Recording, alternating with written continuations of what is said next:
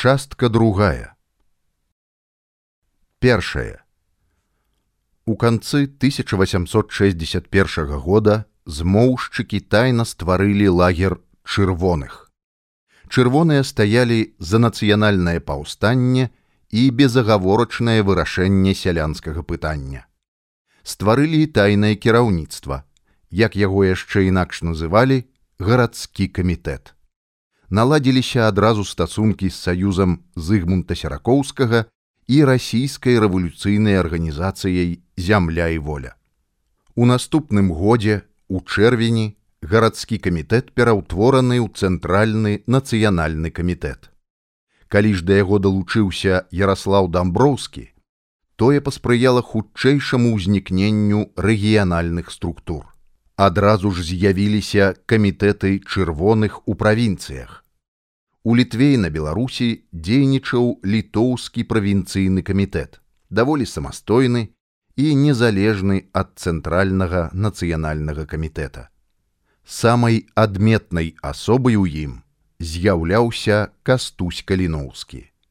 Гэта дзякуючы яго намаганням, яго таленту і апантанасці ды актыўнай дапамозе яго сяброў Фелікса ражанскага і валерыя урублеўскага. У гародні беластоку пачаў выходзіць падпольны лісток на мове ліцвініі мужыцкая праўда, у якой ён заклікаў да народнага паўстання лісток быў як набат на той час. Як звон над храмам, які склікаў народ да агульнай імшыці літургіі, каб звярнуцца да вышняга і прасіць у яго спагады эмоцыі. Набат каліноўскага заклікаў ліцвінскіх сялянаў, каб яны сумесна з польскімі братамі выступілі на барацьбу супраць царызму за зямлю і волю на гарадзеншчыне ўзнікае вядомая постаць валерыя урублеўскага. Ва ўкраіне ствараецца рускі правінцыйны камітэт, кіраўніком якога абраны Эдмунд ружыцкі. Чырвонымі былі створаны свае структуры і на многіх анексіраваных царызмам тэрыторыях. Але жыццё багатае на нечаканкі, трагічныя павароты лёсу неўзабаве арыштоўваюць многіх кіраўнікоў чырвоных, у тым ліку і Ярослава Дамброўскага. Перад студзеньскім паўстаннем іх усіх высылаюць у Сібір. Але тая праслойка людзей, якія мелі свае землі, мяшчане, якія мелі багацце, не пайшлі за чырвонымі. Яны адразу ж стварылі сваю групоўку і назваліся белымі яны адмаўлялі ўзброеную барацьбу, бо спадзяваліся на лаяльнасць расійскіх уладаў. Мелі на мэце дамагчыся ўступак і канцэсій пры дапамозе націску і дыпламатычных перамоў. На чале белага руху стаялі замойскі і банкір Кроненберг. Гэта па яго ініцыятыве і прапанове ў лютым 1861 года і стварылася гарадская дэлегацыя з кіраўнічым органам дырэкцыяй. Перастае існаваць рэч паспалітая. Якім будзе наступны падзел тэрыторыі, патрыёты, якія змагаліся з акупантамі і на гэты раз адстойвалі цвёрда сваю пазіцыю. Яны сваю айчыну ў будучым уяўлялі толькі ў межах, якія ўтварыліся падчас падзелу 1772 года. А гэта азначала, што такая раскладка не прадугледжвала права украінцаў, беларусаў ліцвінаў на ўласную самабытнасць і самастойнасць, што ў сваю чаргу не адпавядала поглядам і задачам чырвоных. Сярэдзіна 19 стагоддзя абуджаецца нацыянальная свядомасць ліцвінаў, палякаў, украінцаў, расейцаў. З'яўляюцца першыя ўкраінскія і ліцвінскія дэмакраты. Яны катэгарычна адхіляюць думку аб вяртанні польскага панавання. Толькі незалежнасць, толькі нацыянальны ўрад і нацыянальны ўклад жыцця. Чырвоныя і белыя ў гэтым пытанні разышліся. Белыя настойвалі на тым, каб далучыць літву і русь да каралеўства польскага чырвоныя катэгарычна працівіліся гэтаму настойвалі захаваць узаемаадносіны паміж польшчай ліцвіняй і украінай на прынцыпах добраахвотнага саюза вольных і роўных народаў яны стараліся пераканаць і вылучыць галоўны прынцып мэтазгоднасці сумеснай барацьбы супраць царызму. У канцы мая граф лідерс падчас адкрыцця пасяджэнняў дзяржаўнай рады аб'явіў, што ён атрымаў ад государа імператара тэлеграму, у якой абвешчана аб прызначэнні вялікага князя Канстанціна Миколаевича намеснікам царства, а маркіз Великапольскі прызначаецца начальнікам грамадзянскага кіравання. Чырвоная партыя, незадаволеная новым парадкам, большасцю галасоў прымае рашэнне забіць вялікага князя. Даручаюць гэта сыну польскага памешчыка ігнату хмяленскаму і швачнаму падмайстру радовічу, каб яны падабралі вопытных для гэтай акцыі людзей. Згадзіўся 22гадовы юнак Людвік Ярашынскі. За князем сачылі з таго моманту, як ён наведаў праваслаўны сабор. А потым ужо, як выходзіў з тэатра, яго нападкаў стрэл. Але яго толькі злёгку параніла. Ярашынскага схапілі на месцы. А памагаты паспеў схавацца. Радовіч і хмяленскі тэрмінова выехалі за мяжу. Ярашынскага галосны суд прыгаварыў да павешання. Калі ж адбывалася павешанне, заходзіла сонца. Тыя, хто стаяў супраць сонца, убачылі над галавой павешанага людвіка вялізны німб. І людзі прызналі ў ім пакутніка, сталі на калені і пачалі маліцца. Царскія ўлады адчувалі і ведалі, што людскі гнеў і незадаволенасць уступае ў новы перыяд, таму стараліся як маглі прытушыць той вулкан народнага бунту. Расійскі ўрад вымушаны быў пайсці на нейкія саступкі. Таму і было адноўлена грамадзянскае праўленне кіравання ў каралеўстве польскім. А на чале ўрадавай камісіі па пытаннях веравызнанняў і публічнай асветы, а пасля гэтага камісіі юстыцыі прызначаецца маркграф Александр Вялікапольскі. Але гэты крок грамадства не ацаніла і не прыкмеціла. Вялікапольскі, адчуваючы настрой людзей, робіць рашучы крок. Распускае так званую гарадскую дэлегацыю і сельскагаспадарчае таварыства. Але зноў жа, гэта не пахіснула перакананасць людзей, што з імі гуляюць як кот з мышкой на замкавай плошчы сабраліся дэманстранты. Яны патрабуюць незалежнасці і самастойнасці. Нечакана да плошчы насоўваюцца расійскія салдаты. Чуюцца стрэлы, крыкі, воклічы, плач і галашэнне. Не разабраць, што творыцца. Не маглі паверыць, што салдаты страляюць у людзей, якія не трымалі ў руках зброі загінула больш як сто чалавек, столькі ж калі не болей было паранена. Так царскія ўлады адгукнуліся на патрабаванні дэманстрантаў. Так царскія ўлады прадэманстравалі свае лаяльныя адносіны да мірнага народа. І ў кастрычніку 1862 года ў царстве польскім уводзіцца ваенны стан а сам вялікапольскі падаў у адстаўку. Пачаў узмацняцца паліцэйскі тэрор. Кожнага падазронага арыштоўвалі, кожнага, хто меў нейкае дачыненне да дэманстрантаў ці незадаволеных, ссылалі ў Сібір. Але незадаволенасць мацнее. Вырашылі перайсці на іншыя метады барацьбы. Набыў сілу канспіратыўны рух расійскія ўлады зноў прымяняюць тактыку саступак. Адмяняецца ваеннае становішча. Створаны цывільны ўрад, і вялікапольскі прызначаецца яго кіраўніком. Ён намагаецца аднавіць канстытуцыю каралеўства польскага 1815 года, пераводзіць на польскую мову афіцыйныя установы і школы, універсітэт у варшаве уводзіць для сялянаў чынш ураўнівае ў правах іудзеяў так гэта прагрэсіўныя і смелыя пераўтварэнні якія заслугоўваюць адабрэнні і пахвалы але рост грамадскіх хваляванняў і вольналюбівых настрояў не аціхае выдаўцы колакала на чале з герцанам друкуюць у нумары 147 за 1862 год зварот. Сябры і браты.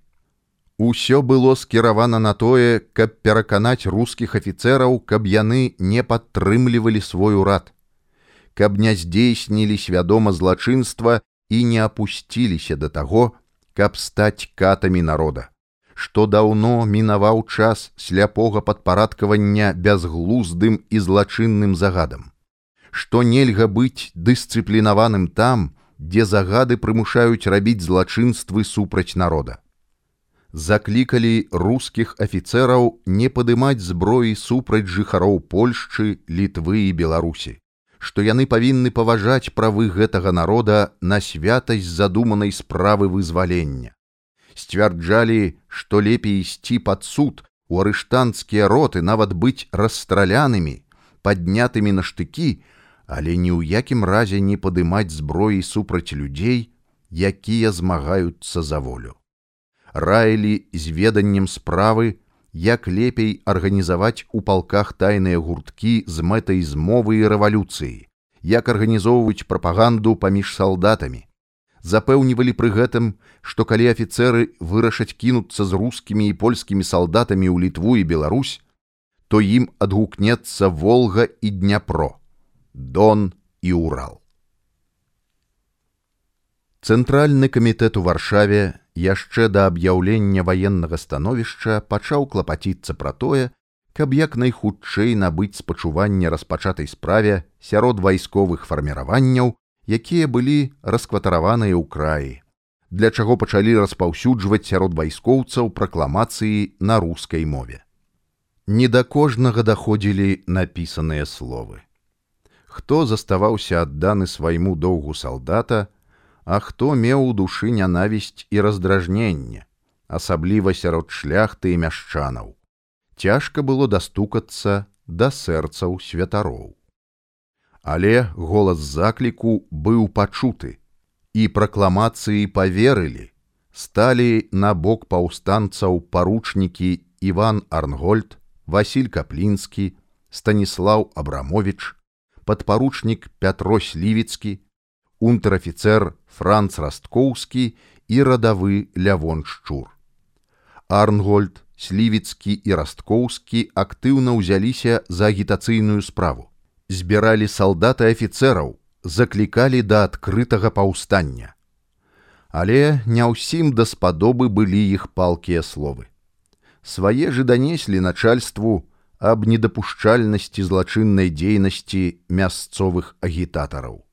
Па канфірмацыі графа лідерса іх асудзілі, прызналі злачынцамі і 16 чэрвеня 1862 года военным судом расстралялі ў рове новагеоргіеўскай крэпасці. Астатніх саслалі на катаргу ці заключылі ў казематы. Колакал паведаміў чытачам. 16 чэрвеня 1862 года адбылося вялікае злачынства. Чорны дзень гэты будзе памятны і вам палякі, за которых загінулі трое расійскіх пакутнікаў і іх таварышам, якім яны пакінулі вялікі прыклад.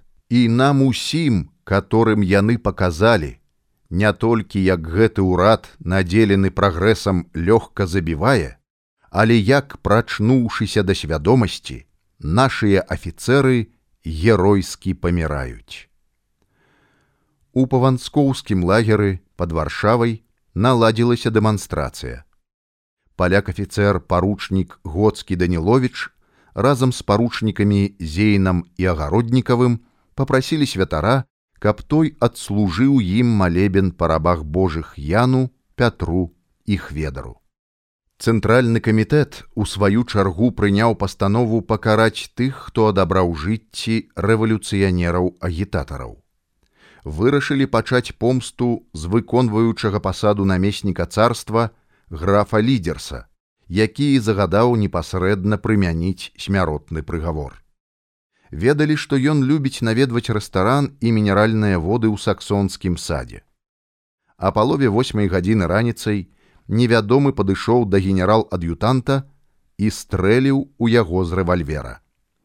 Потым выйшаў з саду праз цукроўню на гранічную вуліцу. Александр Великапольскі, не столькі асцерагаючыся, колькі ведаючы, што яшчэ не саспела глеба для буйных выбухаў, стараецца прадухіліць паўстанне ён нечакана распачынае надзвычайную буйнамасштабную мабілізацыю ў расійскую армію. На той час ішлі на службу паводле жэрабя і служылі 10 гадоў. Але кіраўнік цывільнага ўрада крышыць гэтыя стэеатыпы. 10 тысячаў маладых хлопцаў, на якіх загадзя тайна склаліся адпаведныя імянныя спісы, апранаюць форму рэкрутаў расійскай арміі. Многія з іх дэзертыруюць, пададуцца ў лясы, не жадаючы ісці ў войска. Пачаліся аблавы, арышты, прымусовая мабілізацыя ў войска ўжо без спісаў.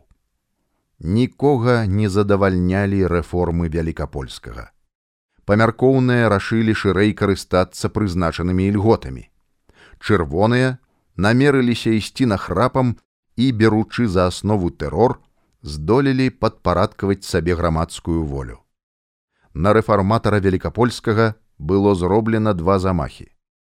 Але маркіз вельмі рэдка паказваўся на вуліцы, ездзіў у глухой жалезнай карэце ў суправаджэнні дзясяткаў жандараў. Падпольная рэвалюцыйная арганізацыя набывала сілу і мацнела. У пачатку кастрычніка яна ўзмацняецца установай народнага рэвалюцыйнага саюза, які ставіць перад сабой канкрэтную мэту і задачу прамое ўзброенае паўстанне не супраць мясцовай адміністрацыі, а супраць царскай кароны, супраць цара, але не супраць рускага народа. А ў Польшчы аднавіць тыя межы, якімі яна валодала калі-небудзь гістарычна. Кіраваў саюзам, акрамя народнага ўрада яшчэ і народны рэвалюцыйны камітэт на чале пад старшынствам міраслаўскага, хаця народны ўрад захоўваў за сабою сілу. Друкаваліся газеты рух, стражніца і шэраг іншых, у якіх быў надрукаваны статут народнага рэвалюцыйнага камітэта інструкцыі для павятовых камітэтаў. Цэнтральны народны камітэт, які адыгрываў ролю народнага ўрада, надрукаваў пастанову, у якой гаварылася, што кожны грамадзянін, які любіць сваю айчыну і хто хоча аднавіць яе самастойнасць, павінен унесці адначасовую і надзвычайную плату, якая павінна служыць капіталам кожнага з грамадзянаў, лічачы ў палову процента ад 100 з нерухомай маёмасці і капіталаў. Тэрмін уплаты гэтага падатку прызначаўся да 10 лістапада 1862 года. Не хацелі развітвацца са сваім багаццем заможныя сяляне і габрэі. Тады невядома адкуль пачаў гуляць па паселішчах чырвоны певень. То карчма згарыць у яўрэя, то свіран у пана. І гэтак у літве, беларусе, украіне, валыні, падоліі, познані, галіцыі. Праз нейкі час пачала ўносіцца прапанаваная раней плата. Падпольны цэнтральны камітэт ператвараецца ў часовы нацыянальны ўрад. І першым яго дзеяннем стала рашэнне ад 22 студзеня 1863 года аб распачынанні народнага паўстання. Тады ж быў аб'яўлены маніфест. Да зброі народ Польшчы, літвы і Русі, да зброі бо прабіў час усеагульнага вызвалення. Стары меч аголены, святы штандар арла пагоні і архангела ўзняты. Адначасова абвяшчаецца дэкрэт аб вызваленні ад прыгонніцкай залежнасці сялянаў. Ліквідоўваецца паншчына, перадаецца ва ўласнасць зямля, якую апрацоўвалі сяляне, надзяляюцца беззямельныя сяляне трыма моргамі зямлі. Але наперадзе незразумеласць і невядомасць.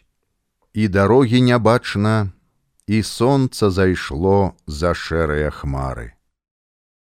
Моўчкі і бязлітасна пісалася гісторыя шматпакутнага і здратаванага несправядлівасцю краю.